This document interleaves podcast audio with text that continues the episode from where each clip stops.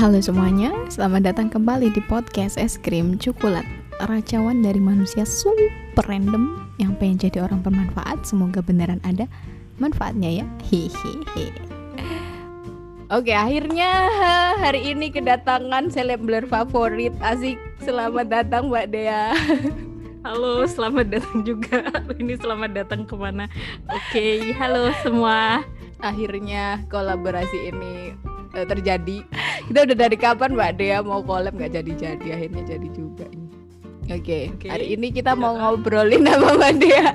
ngobrolin apa ya? Ngobrolin kemarin itu kayaknya kita milih topik cita-cita tapi kalau ngobrolin cita-cita sama saya ya gitu jadinya nanti kita lihat aja kayak apa iya uh, ya kita kayaknya sama-sama manusia Wallace jadi ya mari kita uh ya dibicarakan saja lah jadi menurut Mbak Dea cita-cita itu apa sih? Uh, menurut saya cita-cita itu apa sih?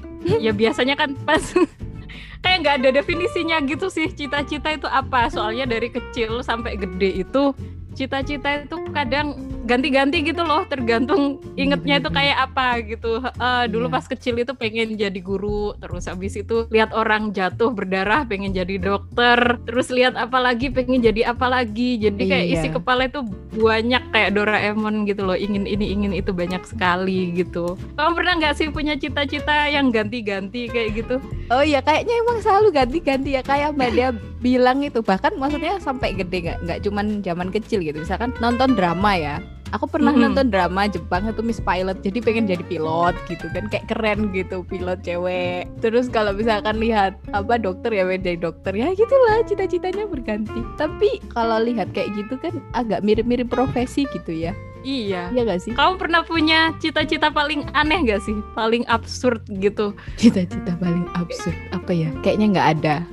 Enggak Kayak apa coba? Kayak gimana, Mbak? Kayak misalnya kamu suka sama sate terus pengen jualan sate terus habis itu kamu lihat maling kejar-kejaran sama polisi pengen jadi malingnya kayak gitu tuh pas oh. kecil pernah nggak sih kayak gitu? Kayaknya enggak deh. Paling absurd apa ya? Enggak sih. Aku tuh pernahnya pengen jadi atlet, pengen jadi ah, masih normal kayaknya. Enggak ada yang absurd kayak gitu. Mbak dia pernah kayak gitu berarti ya, sepertinya. kayak gitu sih. Dulu tuh pernah pengen jadi anaknya tukang sate soalnya suka makan sate ayam kayak gitu. Oh jadi biar ini ya enak ya tiap hari makan sate. Iya makanya kayak gitu. Deh sekarang kan kalau ngobrolin cita-cita itu kayak serius banget. Padahal ya pas kecil itu lihat apa gitu ah aku pengen jadi gitu. Lihat apa gitu. Jadi kayak imajinasinya itu lebih banyak gitu loh. Nggak tahu ya. kenapa kok uh, uh, kok pas Sekarang dewasa jadi kayak itu, terbatas. Iya bener.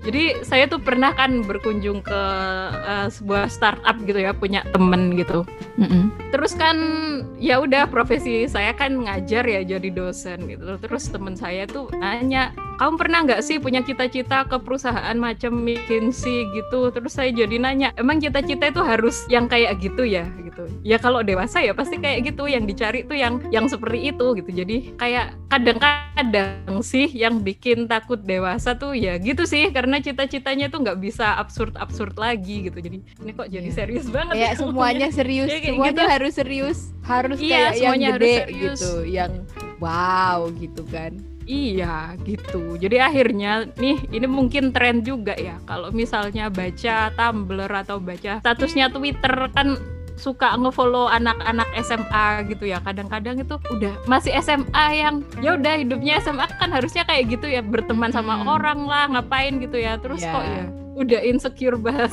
achievement lo punya anak aja belum gitu loh. Kenapa? Aku jadi ya Allah anak sekarang tuh ya ya ampun masih kecil pikirannya udah kayak gitu gitu. Kebayang nggak sih kalau suatu saat berapa tahun lagi tuh SMA udah mikirin rumah gitu kan serem. Aduh kasihan ya tapi gitu. mbak. Masa SMA udah mikirin aduh nanti aku beli rumah di mana ya? Aduh aku pengen nah, iya makanya. aduh cicilan rumah SMA gimana ya?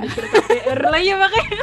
Ya ampun aku tuh sebenarnya pengen lari. Ketika ngobrolin cita-cita tuh pengen lari dari pembahasan yang kayak gitu gitu loh. Biar biar apa ya biar santai aja. Tapi orang-orang zaman sekarang tuh cita-citanya itu ya kayak gitu. Jadi ngomong sama orang tuh agak serem gitu. Akhirnya ya udah gitu. Jadi ya udah kalau ditanya cita-citamu apa ya nggak pernah dijawab sih akhirnya. Soalnya pindah-pindah juga meskipun umur segini. Hmm, iya sih. Tetap berpindah-pindah hmm. tetap berganti-ganti. Tapi maksudnya hmm. apa ya? Sebagai manusia kita tuh harus punya cita-cita nggak? Uh, sebenarnya sih kalau jawaban serius ya biar nggak pengen jadi anak tukang sate mulu gitu ya. Jadi sebenarnya jawaban serius itu cita-cita itu memang nggak harus saklek malah kalau bisa itu fluid. Kenapa? Fluid itu maksudnya bisa berubah-ubah. Kenapa? Soalnya zaman itu kan bergeser. Kalau cita-cita kita itu cuman berfokus ke profesi tertentu kalau profesinya hilang gimana? Masa tujuan hidup kita juga bakal hilang gitu? Nggak nggak juga kan.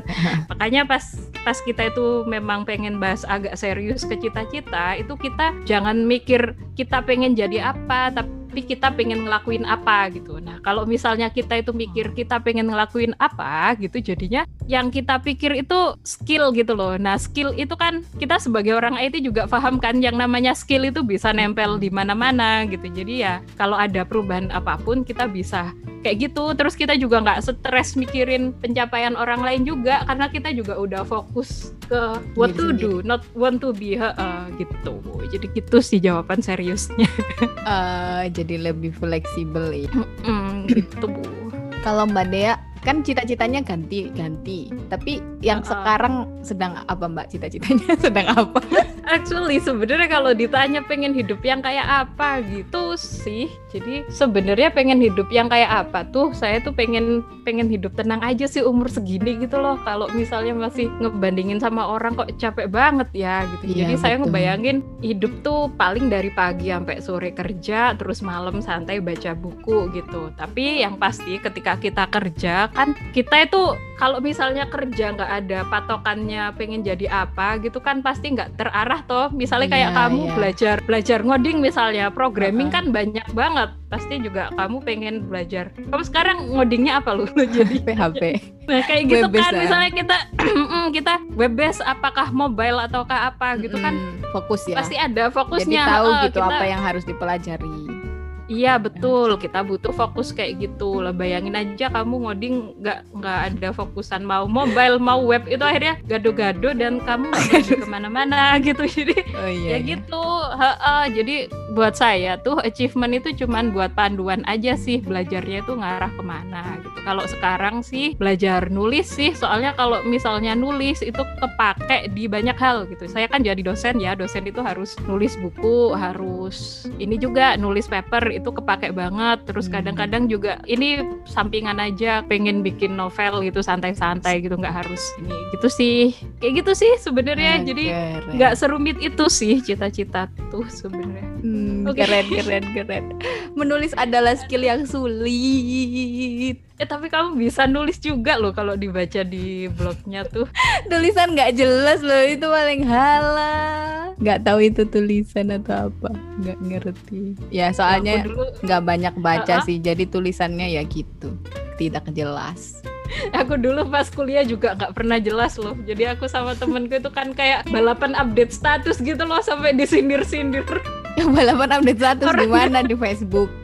Di Facebook. Mana ya ampun mana statusnya tuh nggak pernah jelas lagi. Ya pokoknya ngaco lah. Itu yang nggak penting nggak penting gitu loh jadinya ya Aduh. ya gitu deh. Tapi ya iya. lama-lama karena mungkin yang dibaca bagusan ya jadi kita nulisnya juga agak jelas bukan yang ngerasain orang di status gitu. Dulu kayak gitu kok aku nulisnya beneran deh. Tapi untungnya hmm. Facebookku udah kehapus sih. Kalau nggak gitu jejak digitalnya kelihatan. Ah uh, aku Facebook masih sih tapi nggak pernah dibuka. Nggak wes. Back to topic. Hmm, jadi tadi Mbak Dea kan cita-citanya ya pengen hidup tenang lah ya normal. Uh, normal gitu lah. Ya yang penting ada yang ada goalnya lah ya nggak iya. Ya fluid sih fluid tapi jangan yang semburat kak. Inilah nggak ada iya. arahnya gitu kan. Iya betul. Ngalir sih ngalir gitu tapi ada tujuannya ngalir ke sungai kah ngalir ke mana gitu. Iya jangan asal ngalir aja nah tadi kan apa namanya cita-cita tuh bisa kontak ganti gitu kan ya. Apa coba yang mempengaruhi cita-cita seseorang? Kok orang tuh kayak aku pengen jadi dokter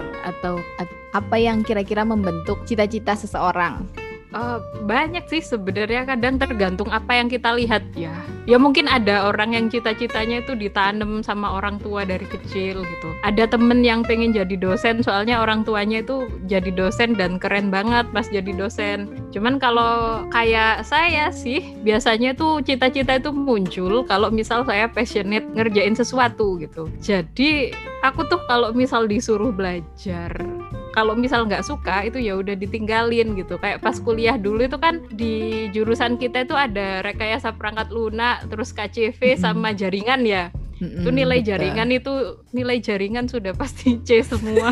Soalnya nggak tahu ya nggak suka banget. Soalnya jaringan itu kan ngodingnya layar hitam gitu nggak ada visualnya. Jadi iya. di, di disuruh suka itu nggak bisa gitu. Nah dulu itu kan ya emang aku tuh orangnya gampang banget ya pindah sesuatu. Dulu itu kan suka sama RPL gitu ya terus pengen mm -hmm. jadi engineer gitu.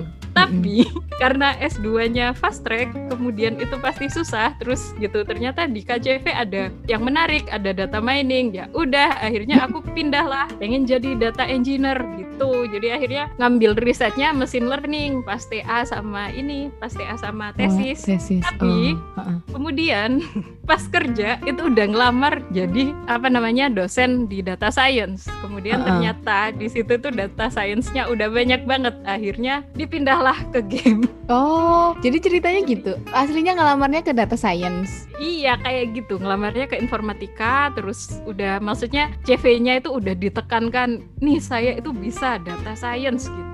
Uh-uh. Tapi ternyata pas interview, yang interview nanya, kamu mau nggak mbak ngajar di game? Soalnya game itu juga butuh mesin learning gitu. Dan emang kadang-kadang kita tuh suka impulsif ya dijawab aja iya pak. Jadi sekarang jujur itu aduh aku tuh kayak orang itu gampang banget pindah. Kadang-kadang juga ngerasa aneh sih kayak pas kuliah itu kan udah berjuang banget buat belajar SNMPTN waktu itu yang IPC jadi waktu itu tuh boleh ngambil IPA sama IPS gitu uh. campuran.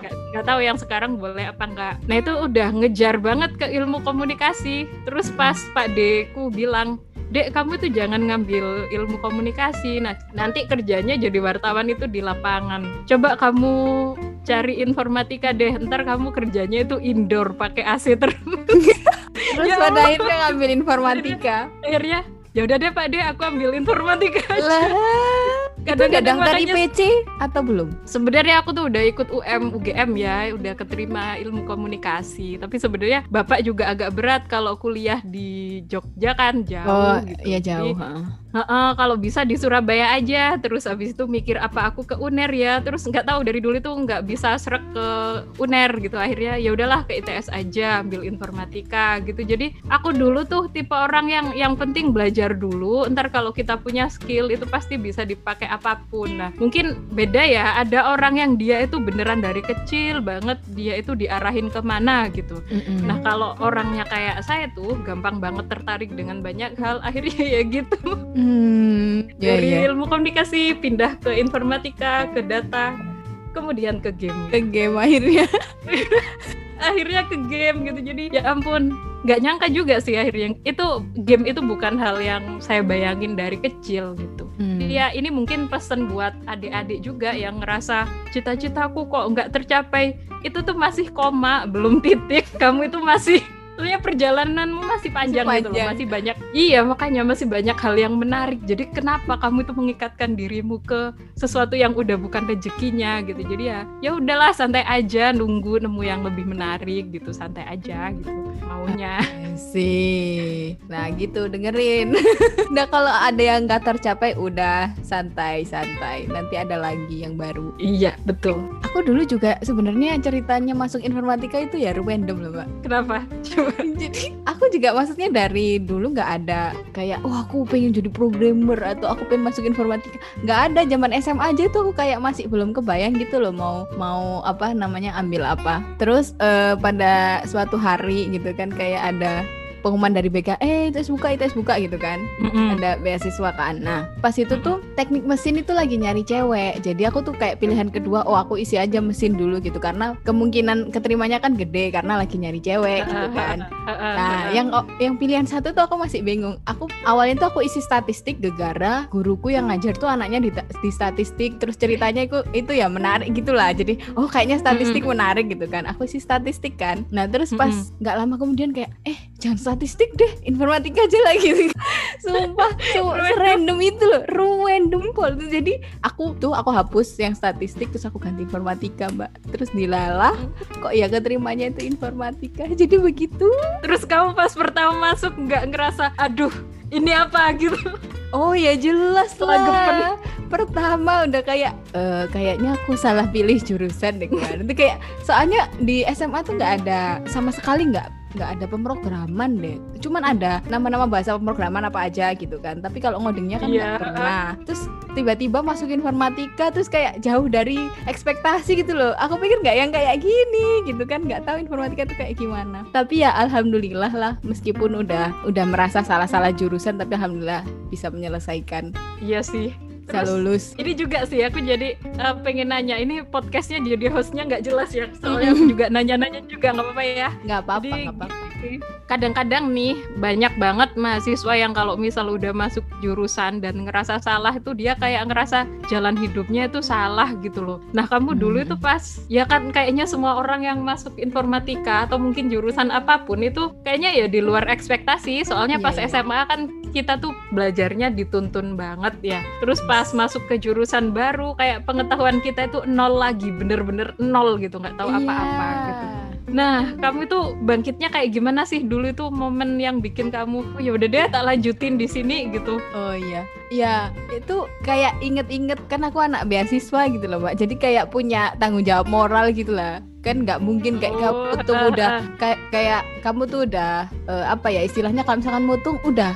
Kamu tuh udah ngambil jatahnya satu orang gitu kan. Kalau aku tidak menyelesaikan itu kan kayak ya gitu sih. Lebih ke situ aku kalau yang aku pegang. Terus kayak toh yang ngerasa kayak gitu kan juga bukan cuma aku sendiri gitu. Ada teman-teman yang lain juga yang ngerasanya kayak gitu kan. Ngerasa salah jurusan dan sama-sama kita tuh sama-sama nggak bisa jadi kita ya sama-sama belajar bareng gitu loh. Jadi karena iya ada temen gitu kan jadinya tuh intinya tuh nggak sendirian gitu loh. Jadi kalau misalkan nggak bisa ya nanya temennya gitu kan masih bisa masih bisa dipelajari gitu loh. Dan ya kayak gitu terus menerus bahkan aku sampai kayak semester agak atas gitu ya kayak ngelihat yang temenku statistik atau tekim gitu kan. yang dulu aku mau ngambil statistik nggak jadi kayak oh, alhamdulillah aku ngambil informatika. Kalau aku jadi ngambil statistik udah kayak aduh bosen kayaknya yang dilihat gitu-gitu aja gitu kan. Kayak pasti kan sama data dan kawan-kawan gitu kan. Nah, aku sedangkan aku hanya bosenan gitu. Jadi kayak iya, jadi jadinya merasa bersyukur gitu. Ya sedikit demi sedikit sih. Ya emang berat sih karena bekal juga nggak ada sama sekali gitu pemrograman. Cuman ya gimana lagi gitu. Iya. Ini juga buat yang dengerin. Maksudnya kalau kalian ngerasa clueless sama hidup ya bukan kalian doang. Semua orang tuh pernah ngerasain momen kayak gini. Iya. Aku tuh pernah pas mahasiswa itu itu kan Ramadan ya. Terus kita itu ngerjain tugas pemrograman terstruktur di mana rule abis hmm, maghrib. iya, iya. Bareng-bareng temen kan abis maghrib uh. lanjut traweh abis traweh dilanjutin sampai nggak nyadar itu waktunya sahur dan belum makan. Oh, terus oh, habis belum makan. Akhir semester tipes berjamaah. Astagfirullah. Ya Allah. Nah, emang emang kayak gitu sih. Iya, aku dulu di iya, asrama, iya, di McD, di uh, mana, uh, uh, bener. di kosan, iya. sampai diusir-usir sama satpam, Mas. Ya banyak lah kayak gitu. Tapi ya itu ini sih warna-warninya. Iya sih intinya sih maksudnya kalau misalnya kita ngerasa hidup susah tuh jangan ini dan jangan langsung give up gitu aja. Karena ya, kalau give upnya tuh gara-gara susah pasti kalau kita itu pindah ke bidang baru ya kita bakal nemuin hal yang kayak gitu lagi iya gitu. bener-bener sama aja mau pindah mau pindah ke jurusan lain juga pasti susah juga cuman susahnya beda aja gitu. Iya bener bener banget. Challenge-nya beda aja. Pasti selalu ada challenge-nya. Iya sama Hmm, terus kan kalau misalkan kita punya cita-cita, nah kadang itu kan mm -hmm. ada yang orang yang maksudnya ambisius banget gitu kan. Aku harus bisa, aku ada yang kayak slow aja biasa aja, terus uh, apa namanya baiknya itu yang kayak gimana gitu yang ambisius itu atau yang biasa aja. Terus kira-kira ada efeknya juga lah ngejar cita-cita itu ke kita kan mbak. Misalkan kalau misalkan terlalu keras nanti juga kayak bisa kecapean burn out gitu-gitu kan. Atau kalau misalkan ngerasa gagal gitu kan terus depresi mental breakdown ya kayak tadi ngerasa kayak aduh aku nggak bisa aku udah gagal udah bla bla bla kayak gitu. Nah gimana gimana gimana ya? Sebenarnya kayak gitu tuh tergantung orang sih. Uh, kita nggak bisa bilang bahwa hidup tuh yang penting ngalir aja. Itu kita bisa bilang kayak gitu karena mungkin psikisnya kita ya kayak gitu. Kita tipe orang yang ngalir, ngalir banget. aja, jadi iya. dipaksa iya dipaksa ambisius tuh. Pasti mikirnya ya ngapain? gitu loh gitu. Tapi di sisi lain ada orang yang memang jiwanya itu udah kompetitif gitu. Jadi dia dia tuh nggak bisa semangat kalau nggak nemu kompetitor gitu. Jadi hmm. kalau dia sendirian itu ya ya gitu nggak semangat tapi giliran ngelihat orang yang lebih tinggi dari dia dia tuh semangat banget buat ngejar. Nah kayak gitu tuh sebenarnya nggak salah. Yang salah adalah ketika kita menganggap bahwa ketika kita nggak bisa ngejar si kompetitor tadi hidup kita udah selesai padahal ya nggak kayak gitu. Yang namanya orang kerja itu pasti ada gagalnya. Di mana sih orang yang ada orang yang nggak pernah gagal gitu. Orang yang yang nggak pernah gagal tuh orang yang nggak pernah nyoba gitu. Iya benar.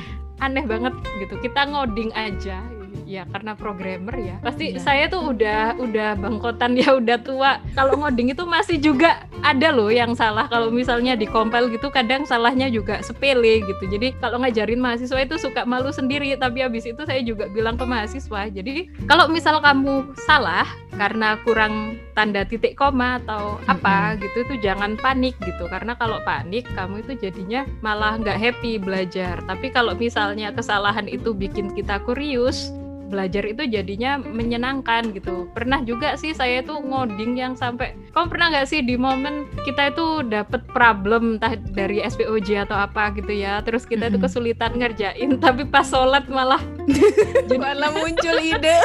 Iya gitu. Jadi uh, apa ya? Saya dulu pas di awal-awal belajar di informatika kan serem banget ya kayak nggak nggak nemu passion tapi di semester-semester akhir itu kayak gitu. Jadi sampai ya di level itu sih gitu jadi ya semuanya itu pasti nemuin gagal aneh kalau nggak gagal malah. Hmm, Oke, okay. cuman ya itu ya Mbak, maksudnya cara menghadapi gagal itu tadi yang perlu di ini ya.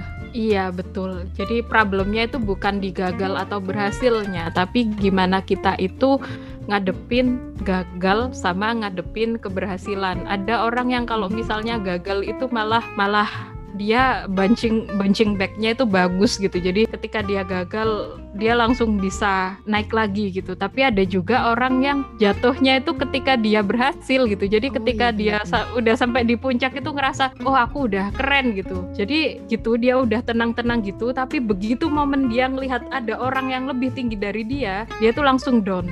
Ini yang sering saya temuin di anak-anak yang baru masuk kuliah. Jadi kan kalau misal kita kuliah itu di kampus itu kan ada ratusan anak yang ngumpul ya. Dan itu tuh juga dari sekolah yang beda-beda gini. Ada beberapa anak yang ketika SMA itu dia juara terus kemudian dia tuh kan ngerasa udah pride banget ya udah pinter banget tapi begitu masuk informatika atau jurusan apa pun yang menurut dia susah dia nggak bisa apa-apa dan banyak temen yang lebih pinter dari dia udah wis dia ngerasa hidupnya abis di situ itu yang saya tuh kadang-kadang gimana ya biar anak kayak gini tuh bisa bangkit lagi itu yang kadang saya pikir karena mungkin ya pas sekolah itu kita itu cuman di apa ya di disuruh nilai tinggi gitu aja tapi mm -hmm. pernah tentang struggle, tentang belajar dari orang lain, tentang yeah. senang kalau kita ketemu orang yang lebih pintar dari kita, itu yang bikin yeah, prihatin. Betul. Padahal misalkan ngelihat orang yang lebih pintar kan maksudnya kan biasanya kan orang nggak suka ya kalau uh, ada yang lebih pinter. Padahal kan apa ya kita bisa belajar gitu dari yang lebih pinter tadi gitu. Ada maksudnya ada banyak hal positif yang bisa kita ambil gitu loh Iya, cuman mungkin mindsetnya kita itu belum ketata. Jadi kadang-kadang hmm. kita itu nggak nggak realistis gitu loh jadi kalau misal ada di satu tempat kita udah paling pinter sendiri kita itu bukannya ngerasa wah aku harus nyari tempat lain di mana aku bisa belajar lebih nih gitu tapi kita mikirnya udah sampai segitu gitu segitu tok jadi ketika nemu orang yang lebih pinter dari kita itu kita udah ngerasa nggak ada apa-apanya terus down terus sedih-sedih sendiri terus depresi sendiri jangan sampai lah yang yang kayak gitu tuh jangan sampai seneng banget kok kalau kita tuh ketemu orang yang lebih pinter dan humble belajarnya itu jadi banyak. Yes. Jadi gimana biar tetap waras? Iya, gimana ya? Kamu dulu pernah nggak ngerasain kayak gitu? Misalnya nih, kamu pas SMA dulu, kamu pernah ini nggak sih apa namanya pas SMA dulu rankingnya berapa? Iya. Ini nanya ranking. Oh, aduh aku jadi malu. Nanti dikira pamer lagi. Enggak lah, udah tua juga kayak kayak apa gitu. Aduh, zaman SMA aku ranking satu, Mbak. Ya udah bagus kan, tapi pas tapi pas, pas kuliah ya jadi uh, uh. ya gitu kan banyak yang lebih pinter gitu. IPK pertamamu berapa wis? Oh IPK pertama aku tiga koma berapa ya? Aku lupa tepatnya berapa tapi di atas tiga setengah seingatku itu masih bagus sih. Jadi aku pas kuliah, eh pas SMA tuh ya jarang ranking satu sih, tapi kalau masuk lima besar sih iya gitu. Nah pas kuliah itu IPK pertama itu 2,8 gitu. Nah karena pas sekolah itu udah dibiasain sama ortu aku kan bilang ke ortu gitu pak kalau misal nilaiku nggak bagus gimana terus bapak saya bilang ya nggak apa-apa yang penting kamu di rumah itu kelihatan belajar oh ya udah gitu jadi saya tuh belajar santai karena dulu itu kan pengalaman sekolah itu kadang seneng kadang enggak ya jadi saya tuh nggak semangat sekolah cuman semangat belajar gitu jadi pas sekolah tuh ngerjain tugas itu di awal-awal banget habis itu saya nge-explore apa yang saya suka gitu jadi nilai nggak tinggi tuh nggak masalah gitu karena mindset saya belajar itu bukan cuma di sekolah gitu. Nah, hmm. Pas kuliah ya kayak gitu, nilai saya itu kan 2,8 waktu itu. Terus ada temen yang emang dia pinter banget sih. Di semester 1 itu udah 3,9 IP-nya oh, gitu dan banyak temen-temen yang langsung ada yang 400 gitu. aduh sampai dipanggil avatar sama teman-teman. Soalnya dia menguasai semua elemen gitu ya di iya. mata kuliah gitu. Uh, jadi gitu pas ngelihat dia bukan insecure sih tapi jadinya itu kalau misal ada tugas yang susah itu akhirnya kita ngumpulnya ke dia minta dijelasin ini gimana ngerjainnya? Kayak gitu. Mm beda lagi kalau kita itu insecure ya kita jadinya mau nanya itu pasti ada pikiran nih aku dibilang bego enggak ya? Padahal orang tuh juga nggak selalu mikir kayak gitu loh. Iya ya, betul. ini. Betul bener bener bener. Kan jadi nggak jadi nanya kan tadi nggak jadi bisa lah an. Maksudnya nggak iya, bisa. Makanya. gak jadi uh, diajarin. Kayak nggak mungkin banget gitu loh kita itu nanya eh ini cara ngerjainnya gimana sih? Terus masa ya temenmu nanya IP kamu semester satu berapa dulu ya buat sih? apa? Coba kan iya gitu. Dan untungnya sih dulu itu meskipun bego tuh juga nggak sendiri gitu. Jadi di di TS itu kan dulu IPK-nya tuh dipampang gitu ya. Nggak tahu di zamanmu masih dipampang atau enggak gitu. Jadi kelihatan banget nih listnya yang paling tinggi siapa yang rendah siapa gitu. Jadi pas kita ngelihat IPK di bawah itu bukannya malah sedih tapi malah ketawa soalnya banyak temen. Iya iya. Dulu bisa lihat sih yang sejurusan beda angkatan juga bisa lihat di ini di. Mm -mm, mm mm -mm. Jadi kayak gitu sih. Ya ya mungkin memang perlu nyari circle yang sehat aja sebenarnya. Dan ya itu jangan berpersepsi bahwa belajar itu cuma di kelas IPK itu sebenarnya bentuk tanggung jawab ya. Jadi kamu kalau misal punya passion di bidang lain bukan di jurusanmu tetap bertanggung jawab sama tugas. Setidaknya nilaimu itu di atas tiga lah IPK akhirnya gitu. Biar hmm. kalau kita itu tiba-tiba pindah bidang, maksudnya kita tiba-tiba nekuni bidang yang kita ambil di jurusan, kita itu ada ini gitu loh, nggak nggak yang beneran nggak ada bekal gitu. Jadi saya dulu itu sebenarnya pas masuk informatika itu masih tetap pengen jadi jurnalis atau penulis. Akhirnya di semester satu itu masih freelance gitu loh di salah satu koran gitu loh ya. Jadi freelance reporter di situ gitu. Jadi uh, tugas itu nggak terlalu terurus sih. Dan hubungan saya sama teman-teman uh, di kampus juga nggak nggak gitu deket soalnya jarang di kampus gitu. Tapi begitu semester 5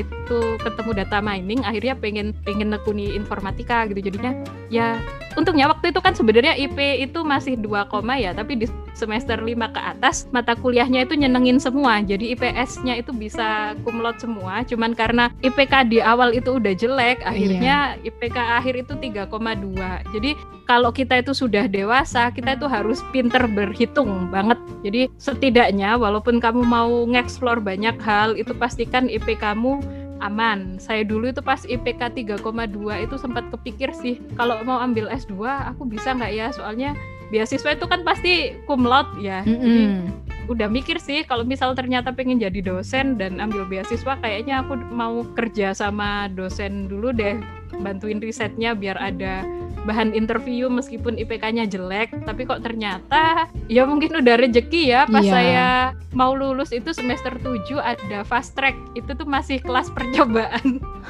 Jadi fast track pertama gak ada ya, syarat IPK ya fast track pertama. Nggak ada syarat IPK benerannya nggak ada oh nggak ada syarat IPK mm -mm, pokoknya siapa Cuman, yang mau ikut gitu Iya, siapa yang mau ikut dan punya rekomendasi dari dosen. Ini lucu lagi. aku tuh orangnya kadang spontan banget ya. Jadi waktu itu tuh liburan, aku lagi di RPL terus denger kabar ada fast track. Terus mm -hmm. kan waktu itu belum punya judul TA dan gak deket sama dosen. Akhirnya yang kulakukan adalah aku ke ruangan dosen dan melihat siapa yang ada di situ gitu. Mm -hmm. Dan ternyata di situ tuh cuman ada Pak Saiku. Akhirnya okay. aku ke Pak Saiku dan langsung minta judul TA WA langsung nodong. Langsung dikasih. Itu langsung dikasih.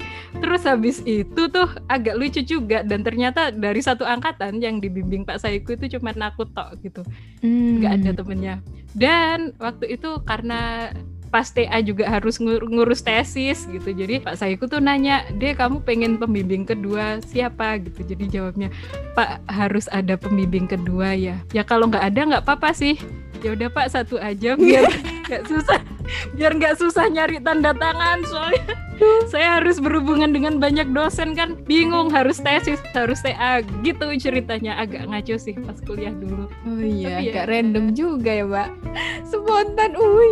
Aduh iya beneran spontan banget loh itu waktu itu S2 soalnya pikir gini, kalau misalnya mau jadi jurnalis, kayaknya waktu itu kan juga masih bolak-balik ke psikiater ya, dan jurnalis itu kerjaannya berat banget, harus mobile ke mana-mana. Khawatirnya hmm. itu tuh saya nggak mampu gitu loh. Khawatirnya kalau tiba-tiba uh, moodnya turun banget gimana gitu. Jadi nyoba nyari kerjaan yang dia itu ya sama-sama berat sih tapi seenggaknya itu nggak mobile dulu akhirnya jadi S2 dan jadi dosen tadi jadi memang kita tuh nggak selalu sih beneran jodoh sama cita-cita kita masa kecil gitu. Kadang-kadang ya memang harus berpindah bidang harus belajar hal baru. Makanya kita perlu jadi orang yang fleksibel dan nggak gampang insecure. Kalau melihat orang di atas kita kalau gampang insecure ya bakal susah belajarnya gitu. Iya iya betul betul. Serandom itu.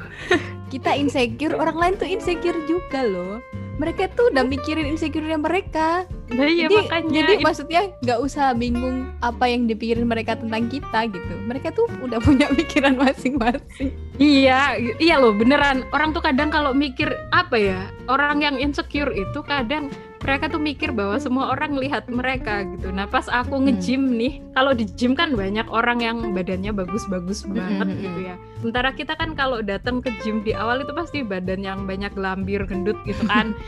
yes. Terus temen ada yang nanya, eh kamu malu nggak kalau diliatin orang? Ngapain orang liatin gua? Mereka tuh udah ribet sendiri sama berbelnya mereka, udah ngos-ngosan sendiri sama olahraganya mereka gitu. Jadi di dunia nyata itu pun sebenarnya kayak gitu. Orang tuh sebenarnya udah struggle sama hidup masing-masing ya. Iya. Cuman mungkin yang kita lihat itu dari sisi medsos yang ya orang medsos juga posting juga pilih-pilih gitu. Jadi ya gitu sih. Yes. Jangan mikir kejauhan.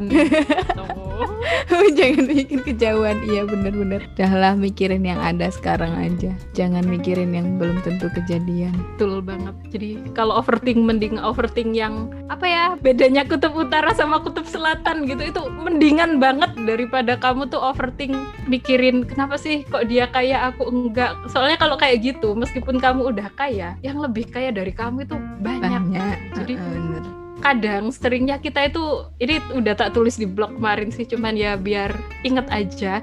Kadang kita tuh ngerasa miskin bukan karena beneran miskin gitu. Kita tuh udah bisa makan maksudnya dalam waktu seminggu uang makan ada nggak perlu mikir itu udah tidak miskin sebenarnya. Tapi kadang kita merasa miskin karena kita belum punya rumah terus temen kita dibeliin rumah sama ortunya. Iya bener. kita belum punya mobil terus temen kita udah nyetir mobil. Nah iya, itu yang sebenarnya aduh gitu. Makanya kalau udah mulai mikir kayak gitu mendingan ya istighfar baca buku atau apa cari hal yang bikin kamu seneng biar gak mikirin orang gitu Iya, aduh si A udah punya rumah. Aduh aku kok masih gini-gini aja ini ya, gitu. Kamu pernah ngerasain gitu juga, Mbak? iya, pernah, Mbak. Aduh, gimana? kirain aku doang ya ampun aku tuh Enggak. karena mungkin ya kantor kita orangnya udah berumah tangga semua ya jadi yang diobrolin Enggak. itu brosur rumah brosur apartemen aku kayak rasanya ya ampun otakku ternyata nggak nyampe. Ya aduh. aduh. banyak loh yang yang bilang ke saya tuh kamu tuh jangan kayak anak kecil terus sesekali mikir masa depan gitu. Ya saya juga mikir masa depan. Kerja itu kan juga buat masa depan. Tapi kalau misalnya dipikir terus maksudnya kita mikir sampai beberapa jam pun duitnya itu nggak kekumpul gitu loh. Jadi iya iya. kecuali kalau misalkan dipikir terus tiba-tiba ada uang datang gitu ya pak. Nah ya itu gitu. Itu jadi logika aku tuh kayak gitu. Ya lu mau nggak bisa tidur itu duitnya tuh nggak nggak bakal datang datang sendiri. Jadi mendingan hmm. tenaganya dipakai kerja terus kita mikirnya itu mikir hal-hal yang nyenengin gitu. Masa depan itu disiapin bukan dipikir doang. Mantap. kalau dipikir kamu mah jadi ya gitu gitu gitu iya bener-bener. Iya masa depan tuh disiapin bukan dipikir. Ya bener. Kalau dipikir tok pusing. Yang dapat iya, pusing iya, sih sakit kepala dapat pusing. Kamu kok belum beli rumah sih? Kamu kok ini sih? Kamu kok gitu sih? Jadi kadang-kadang itu karena saking isengnya ya jawab ya udah pak nggak apa-apa pak. Suami saya nanti kayak kok oh iya bener bener. Tenang Aduh, pak. pusing. suami udah beli rumah udah beli mobil. Saya padahal juga juga belum belum mikir ke arah sana sebenarnya. Cuman kadang capek banget gitu loh diajakin ngobrol ditawarin tanah. Duit juga belum punya buat dibayar pakai apa gitu. Kadang orang-orang itu mungkin mereka juga sebenarnya pengen peduli sama kita ya. Tapi yang perlu kita sadarin ini termasuk kalau kita ngobrol sama adik-adik kita tuh bahwa fase hidupnya kita itu beda gitu. Jangan memaksakan sudut pandang di fase hidupmu dengan sudut pandang orang lain gitu. Ya itu yang bikin kita insecure orang lain insecure akhirnya hidup tuh nggak nyaman gitu. Jadi jangan kita itu membatasi cita-cita pada sesuatu yang sifatnya semacam itu. Coba cari cita-cita yang kita kita itu senang ngejalaninnya tapi di samping itu ya jangan mikir passion doang sih. Setidaknya itu cari duit sampai kamu cukup buat makan. Setelah itu kamu coba explore yang lain. Kalau memang tenagamu masih ada. Kalau misal tenaganya nggak ada ya ya udah santai di kosan itu juga bukan hal yang buruk gitu hmm ya yeah. nice. Speechless.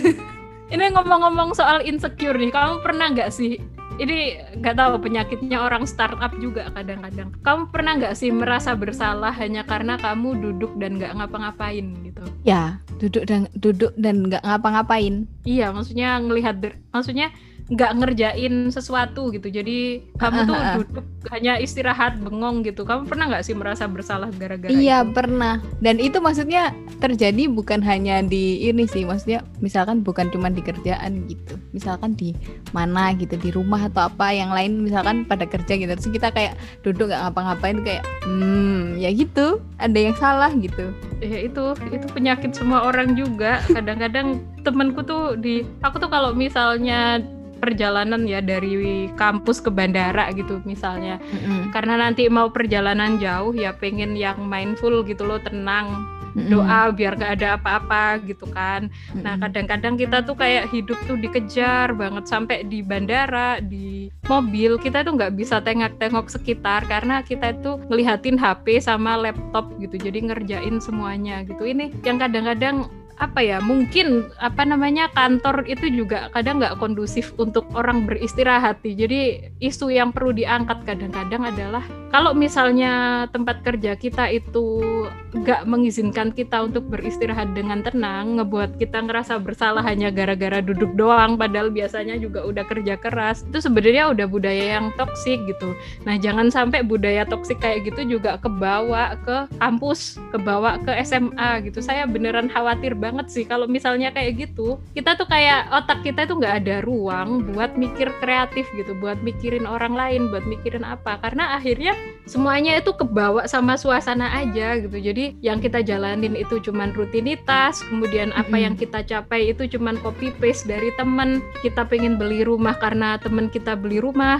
Kita hmm. pengen invest di reksadana karena temen kita di reksadana padahal semua orang itu beda gitu loh. Jadi apa ya pengennya itu sih hidup itu yang balance gitu. Kamu kerja tapi kamu juga ngasih waktu buat nonton drama Korea gitu. Karena hmm. kalau kita nggak gitu kita itu akhirnya nggak peka ke orang lain terus kita tuh jadi tega ke orang lain. Soalnya kita juga tega ke diri sendiri gitu. Itu yang uh, uh, gimana ya numbuhin perasaan yang gitu gitu loh. Saya sebenarnya kalau misalnya dibilang woles banget sampai sampai apa namanya nggak punya tujuan hidup nggak juga sih. Tapi saya selalu bilang ke temen-temen untuk woles karena saya ngerasa mereka itu kadang udah dalam tahap nggak sehat gitu. Jadi pernah mm -hmm. temen saya itu sampai cerita ke saya gini aku tuh kayaknya umur 40 nanti udah nggak bisa deh di industri IT. Kenapa gitu? Aku nanya gitu.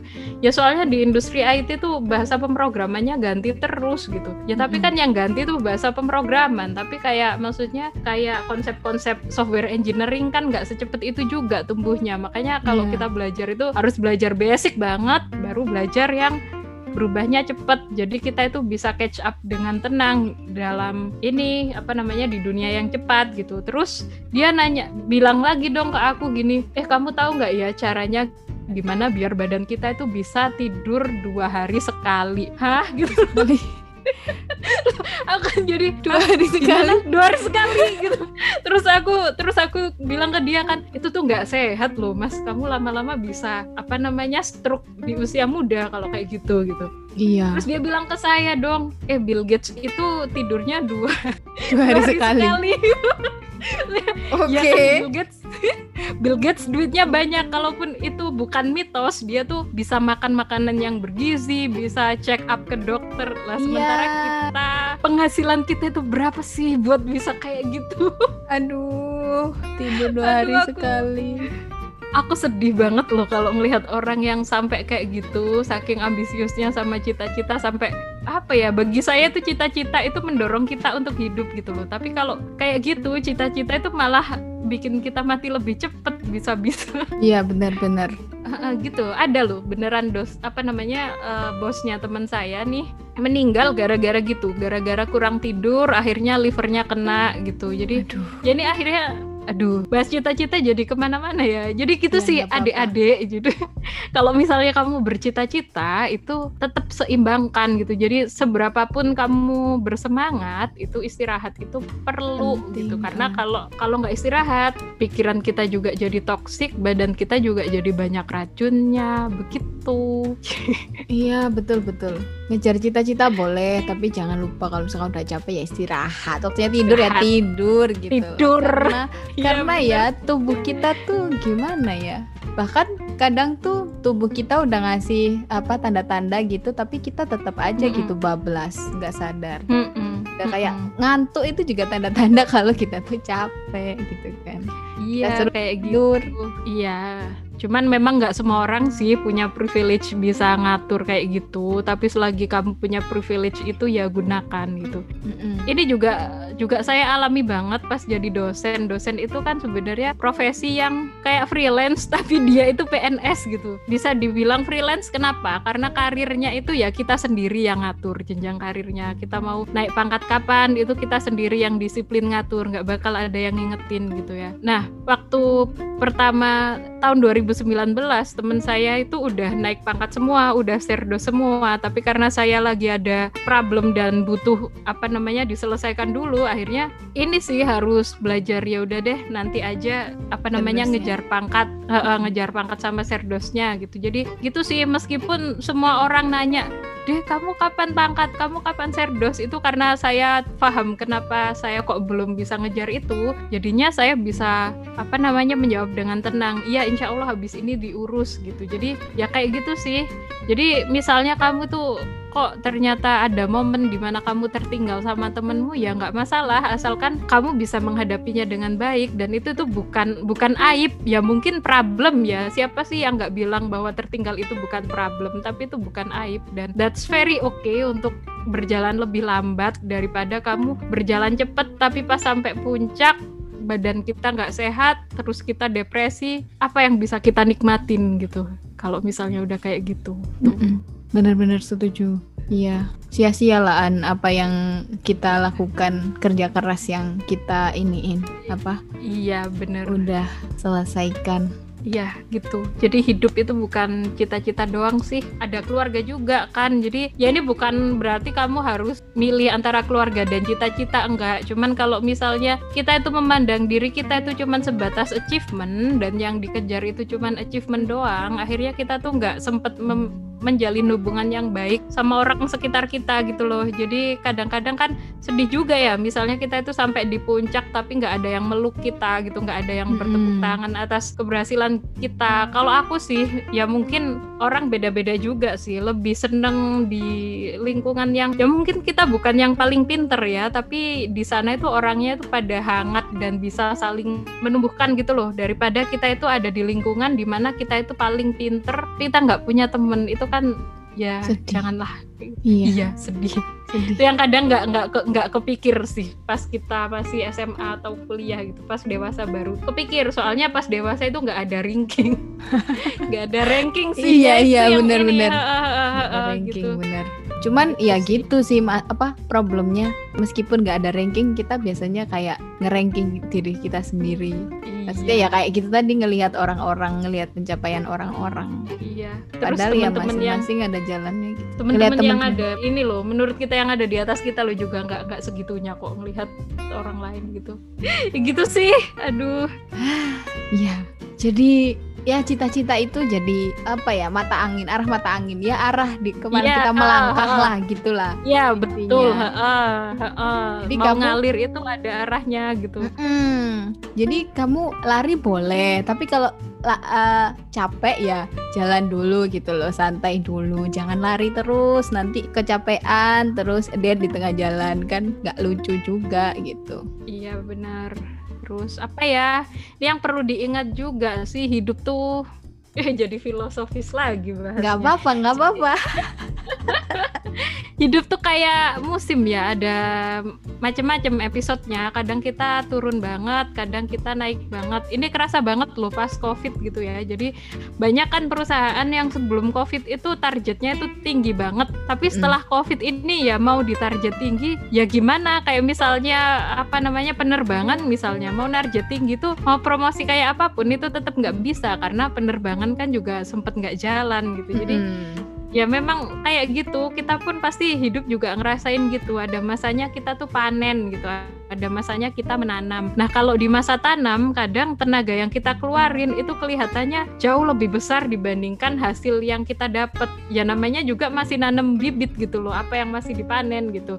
Tapi ketika masuk masa panen mungkin kita ngelihat hasilnya itu banyak banget gitu. Jadi yang yang penting tuh kita sabar karena nggak semua bagian dari hidup kita itu ada panennya gitu. Jadi kamu harus aware gitu loh. Oh aku ternyata sedang ada di fase ini. Oh temenku ternyata udah di fase panen. Yang kamu pikir tuh jangan mikir wah kapan ya aku di fase panen? Atau malah aduh aku masih nanam temenku udah panen aku kalah nih gitu. Jadi kita itu perlu mikir dari sisi lain gitu. Kalau kita itu masih menanam kita masih mengasah skill kita justru kita perlu ke teman-teman kita yang bisa dibilang udah panen achievement buat nanya gimana sih merawat dalam tanda kutip tanaman kita biar dia itu tumbuh lebih baik biar dia hmm, itu nanti pas panen. ini apa namanya pas panen itu panennya juga bagus. Itu yang uh -uh. perlu kita pelajarin dari orang-orang yang kita anggap lebih tinggi dari kita. Jangan sampai orang kayak gitu malah kita anggap pembunuh ambisi kita. Itu ya saya sempat bilang bahwa itu nggak realistis tapi ternyata banyak banget loh orang yang kayak gitu. Dan itu bikin prihatin. Bener deh ngajar jadi dosen dan ngobrol sama mahasiswa dengan banyak sudut pandang itu jadi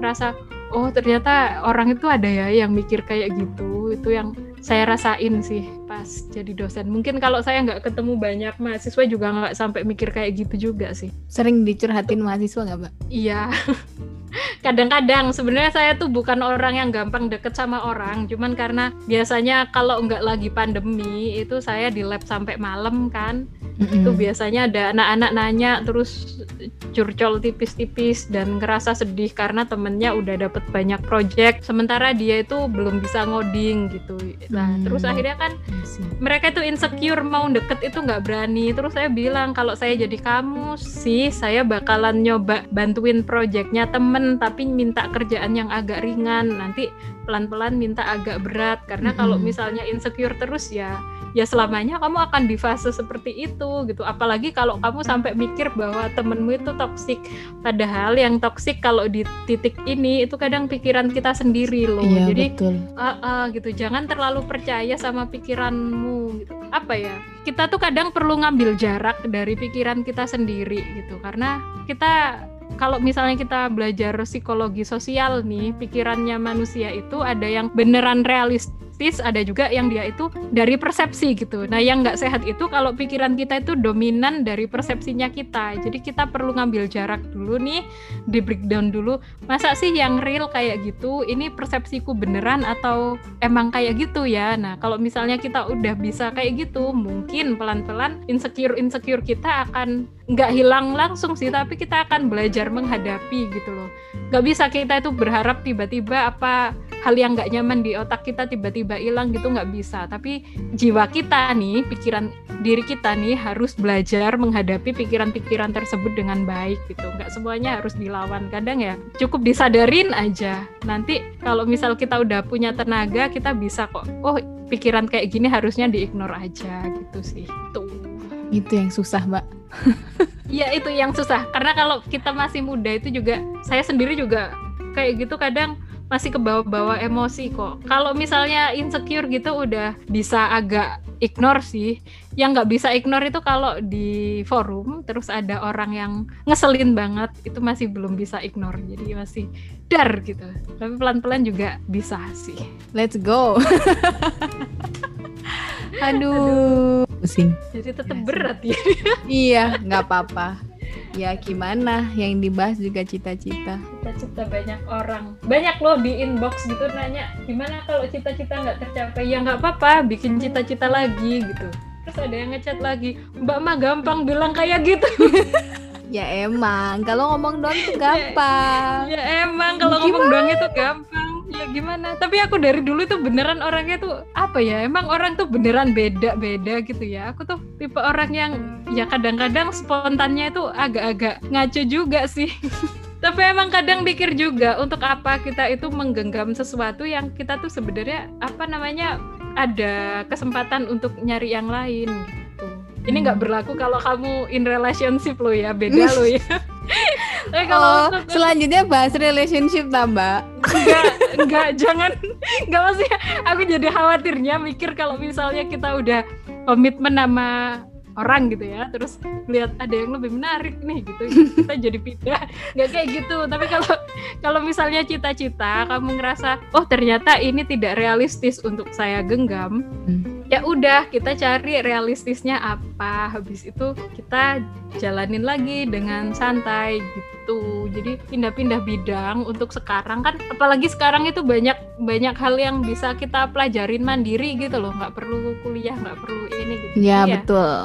Kayak gitu sih itu loh ceritanya. Harus hmm. belajar nih mengikhlaskan yang sudah ya sudah gitu. Kita ini kayak misalnya kamu bercita-cita masuk PTN gitu. Kalau misalnya nggak masuk ya sudah masuk PTS pun nggak apa-apa. Yang penting belajarnya serius gitu. Iya benar-benar.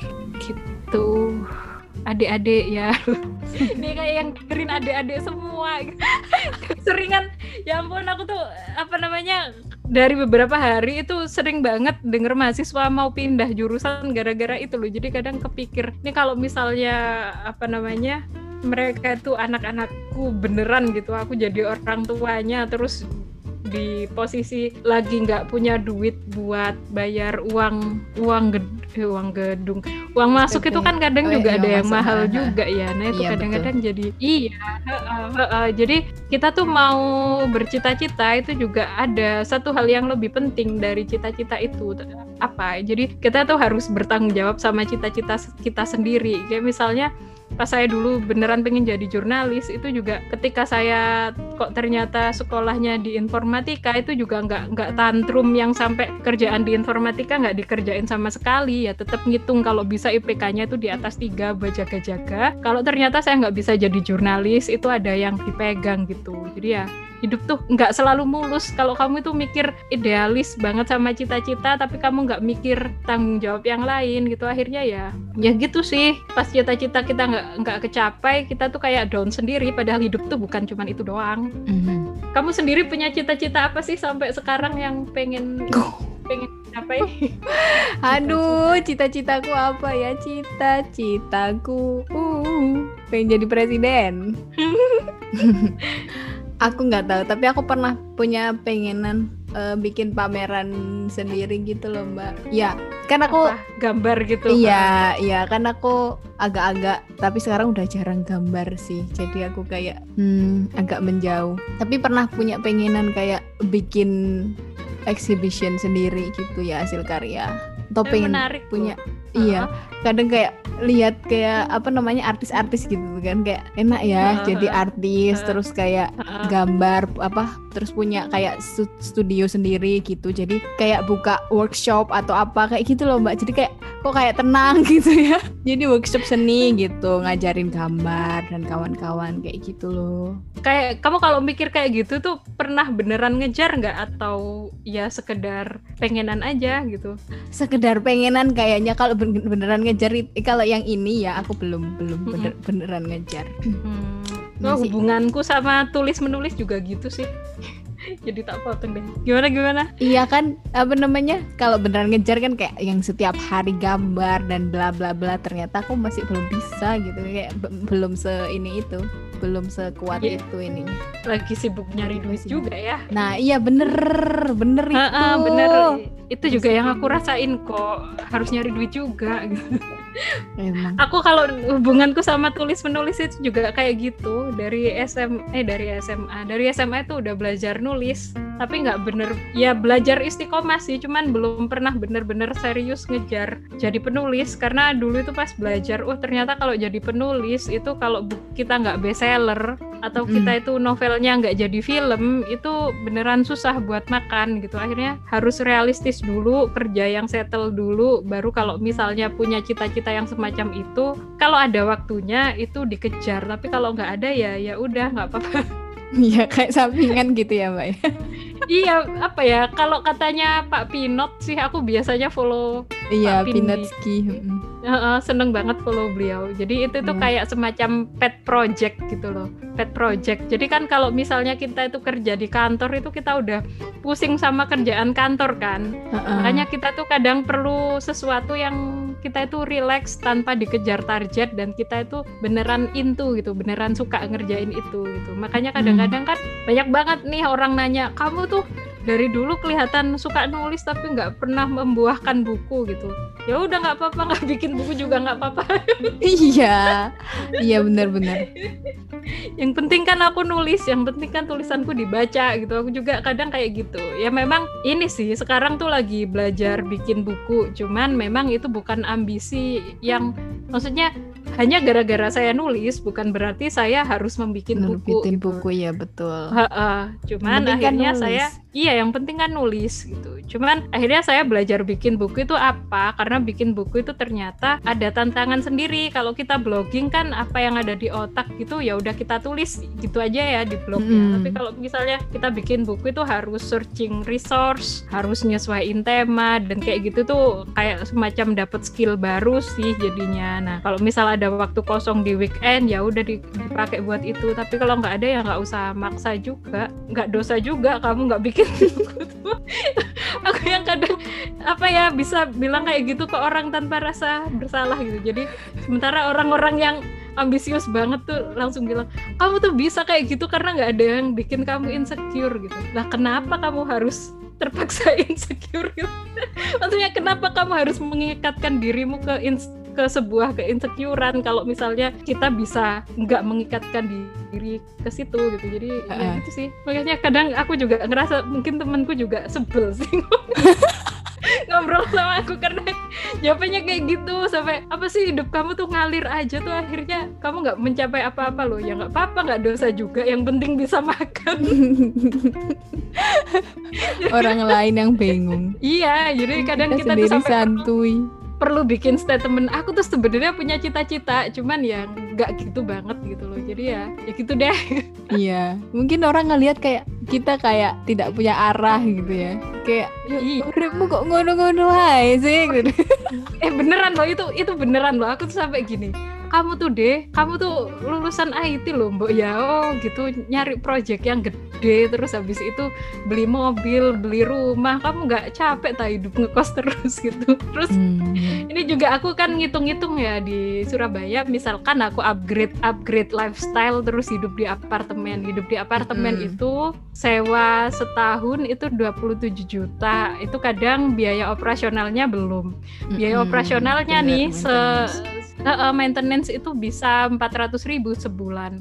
Sementara hmm. ngekos itu paling paling mahal ya sejuta ya kalau tapi kosku nggak sampai segitu sih. Kalau misal kos sejuta itu berarti kan berapa? 18 juta. juta setahun gitu. Iya, jadi ya buat apa upgrade lifestyle doang kalau misalnya itu tuh lebih mahal gitu loh. Jadi aku tuh pikirnya itu kayak gitu ya. Meskipun sebenarnya karena tabunganku juga belum banyak sih tapi misalnya tabunganku udah banyak tuh aku tuh nggak nggak nggak pengen segera upgrade ini sih.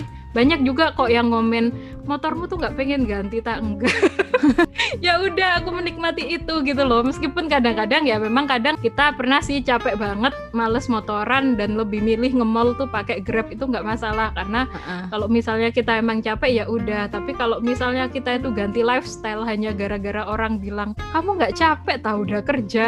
Umur segitu eh, udah kerja begitu lama nggak punya apartemen. Ya nggak apa-apa nggak dosa juga. Orang aku juga tinggal di kosan juga seneng-seneng aja gitu. Jadi itu perlu yang apa ya kita perlu ngitung juga jangan sampai ke bawah-bawah gitu loh. Buat apa sih kita itu ya hidup di apartemen yang lebih mahal Mm-hmm. Kalau misal kita punya keluarga, punya anak kecil, itu mungkin make sense lah ya. Soalnya nggak harus yeah. di kosan terus gitu. Tapi kalau misalnya kita masih single, lah kenapa harus ini? Kenapa harus kayak gitu? Jadi harus paham diri sendirilah kebutuhannya apa, biar nggak insecure. Biar cita-cita kita itu kita define sendiri, bukan didefinisikan orang lain yang iya betul. yang nggak tahu kita banget itu. Yang saya khawatirkan itu kayak gitu sih Iya, karena kan orang lain juga maksudnya ngelihatnya ya apa yang dia lihat aja gitu. Mm-mm. Nggak bisa dan ngelihat semuanya. Gitu. Iya, nggak bisa ngelihat semuanya. Dan sebenarnya hidup kita itu udah baik-baik aja di fase itu gitu. Jadi kadang-kadang orang lain itu kayak ngerasa prihatin dengan hidup kita, padahal kita beneran it's fine, nggak apa-apa hidup di di kosan bener kok aku tuh udah ngitung sih pas kan di dekat kampusku itu ada apartemennya sempat ngitung kalau aku hidup di sana kayak gimana. Terus apartemen dibandingin kosan apa sih bedanya? Ya mungkin bedanya kalau di apartemen bisa ada AC sama ada kompor lah ya. Dulu itu pengen banget pindah ke apartemen karena di kosan nggak ada kompor. Tapi ternyata setelah nego sama ibu kos itu diizinin bawa kompor sama kulkas. Jadi udah nggak mikir pindah lagi akhirnya gitu. Hmm. dicerita gitu deh akhirnya. Ya sudah lah ya alur ngidul kita ya. Iya. Jadi orang, kesimpulannya orang jadi kesimpulannya apa mbak? Aduh ini eh, mohon maaf ya obrolannya ngalur ngidul bahas cita-cita bisa ke insecure bisa ke relationship. Loh kan tadi ke mana-mana kan? Iya tapi jadi ya ya, ya gimana tapi ya semua orang setiap orang berhak punya cita-cita gitu kan. Maksudnya boleh punya cita-cita tapi harus nggak sih? Nggak harus ya nggak harus ya. Nggak harus ya. nggak harus iya nggak harus. Yang penting kamu jalan tuh punya arah gitu loh maksudnya nggak iya yang penting jalan punya arah gitu. Nggak nggak ngaco. Dan maksudnya dan tahu kapasitas masing-masing kapasitas diri sendiri kemampuan diri sendiri gitu sampai mana bisa ininya bisa ngelakuinnya. Kalau misalkan capek ya istirahat gitu jangan sampai karena kita ngejar cita-cita kita terus mm -hmm. apa namanya jadi menyiksa diri sendiri gitu kan terus jangan sampai mm -hmm. juga kayak karena ngejar cita-cita kita kita jadi kayak ngorbanin orang lain gitu kayak tebas kanan kiri gitu juga jangan mm -hmm. gitu kan jadi ngejar cita-cita boleh tapi ya yang bisa kita nikmatin gitu ya mbak ya iya nikmatin hidup. Sebenarnya kadang tuh mungkin ya kita itu nggak sampai ke tujuan kita gitu. Jadi cita-cita itu kan tadi tuh sebagai arah mata angin aja ya. Mm-hmm. nah hidup tuh kadang penuh kejutan. Jadi kadang kamu belum tentu nyampe ke tujuanmu tapi bisa jadi ya Allah itu ngasih tujuan yang lain yang lebih baik gitu. Hmm, ya. Kayak uh, misalkan naik gunung nggak sampai puncak, kamu kayak di bawahnya puncak itu ternyata di situ kamu ininya. Uh, uh, dan ternyata di bawahnya puncak itu itu bukan hal yang buruk juga karena di sana juga tumbuhan bisa tumbuh dengan baik gitu. Iya. Jadi petani di situ juga enak gitu. Jadi gitu Betul. sih. Hidup yang santai-santai aja lah. Ya, Kalau kerja aja serius tapi jangan jangan ini gitu. Jangan jangan dibawa serius sampai tidur pun mikir cita-cita gitu ya Allah ngapain ya dan kalaupun gagal kalaupun tidak tercapai itu maksudnya sangat lumrah gitu sangat normal. Jadi jangan anggap hidupmu tuh berhenti di situ selesai di situ gitu. Yang udah kamu nggak bisa ngapa-ngapain mm -hmm. lagi gitu. Kita masih iya, bisa cari alternatif lain gitu. Kayak gitu iya. sih. Masa depan masih panjang banget. Jadi ya gitu sih. Ya stay alive. Stay healthy Stay sane, aduh tetap waras, iya betul karena waras, sehat dan waras itu mahal harganya. Jadi ya bener gitulah. Apa yang tahu, eh apa yang tahu, yang paham diri kita sendiri kan ya kita sendiri gitu. Maksudnya sampai sampai mana limit kita ya kita sendiri gitu yang kita ngerasain. Sendiri. Jadi ya itu ya. aja sih. Ya begitulah kira-kira ya Mbak Dea ya. Ada yang mau iya, ditambahkan? Iya, thank you loh. udahlah. Kadang-kadang nih ya kalau apa namanya kalau kata temenku sih ini closing aja ya. Jadi uh, temen saya tuh bilang dia tuh umurnya sekarang 34 apa 33 ya. Jadi dia tuh bilang aku tuh dulu pas umur sekamu waktu itu saya umur 28 ya. Dia bilang aku pas umur sekamu itu juga foya-foya terus nggak nabung terus duitku habis terus sedih karena ya Allah aku udah kerja kok tapi nggak punya tabungan gitu. Nah terus aku nanya ke dia pas kamu umur 30 kamu masih nyesel nggak? Ya enggak sih namanya hidup juga kayak gitu. Kadang kita juga ada masa bodoh-bodohnya juga gitu. Jadi buat apa kita nyesel untuk masa lalu eh ya nyesel itu boleh kita ambil buat pelajaran tapi buat apa kita itu lama-lama bersedih untuk sesuatu yang nggak bisa kita perbaikin gitu jadi ya hidup itu ya fokus ke depan aja ke apa yang kita cita-citakan jangan terlalu terjebak pada kegagalan di masa lalu orang siapa sih yang nggak pernah gagal gitu ya nah karena kita muslim untungnya sih dalam Al-Quran tuh kriteria orang dalam Al-Quran dan hadis, kriteria orang yang berhasil. Orang sebaik-baik manusia tuh bukan orang yang cita-citanya paling tinggi gitu, tapi orang yang paling bermanfaat. Manfaat. Mm -mm, untuk lingkungan, untuk orang lain gitu. Jadi ya nggak masalah hidupmu nggak punya cita-cita pun nggak masalah gitu loh. Yang penting kamu itu juga pas kerja itu bekerja dengan baik dan bisa ngasih manfaat ke banyak orang gitu. Yes. Ya, itu juga jargon podcast ini. Oh, bermanfaat okay, ya. Semoga ya beneran sih. Semoga beneran. Amin. Oke. Okay. Ya. Menyenangkan sekali. Terima kasih Mbak Dea atas waktunya. Alhamdulillah meskipun ngalor ngidul jadi kolaborasi ini terjadi juga. Jangan kapok-kapok lo ya. Iya. Aku juga mau kok. Ya okay. santuy aja pokoknya. Ini kan podcast ecek-ecek. Jadi ya santuy aja pokoknya. Nggak nggak. Ya intinya tuh pengen berbagi apa ya. Ada satu hal dua hal yang bisa diambil gitu dan ya dengan cara yang santuy gitu loh. Mm-mm. Nggak mau serius-serius. Ya oke okay, terima kasih yang sudah mendengarkan sampai titik ini. See you on the next episode. Bye bye. Bye bye.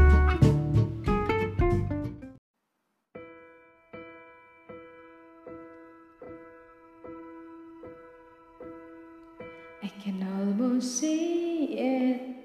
That dream I'm dreaming, but there's a voice inside my head saying, You'll never reach it.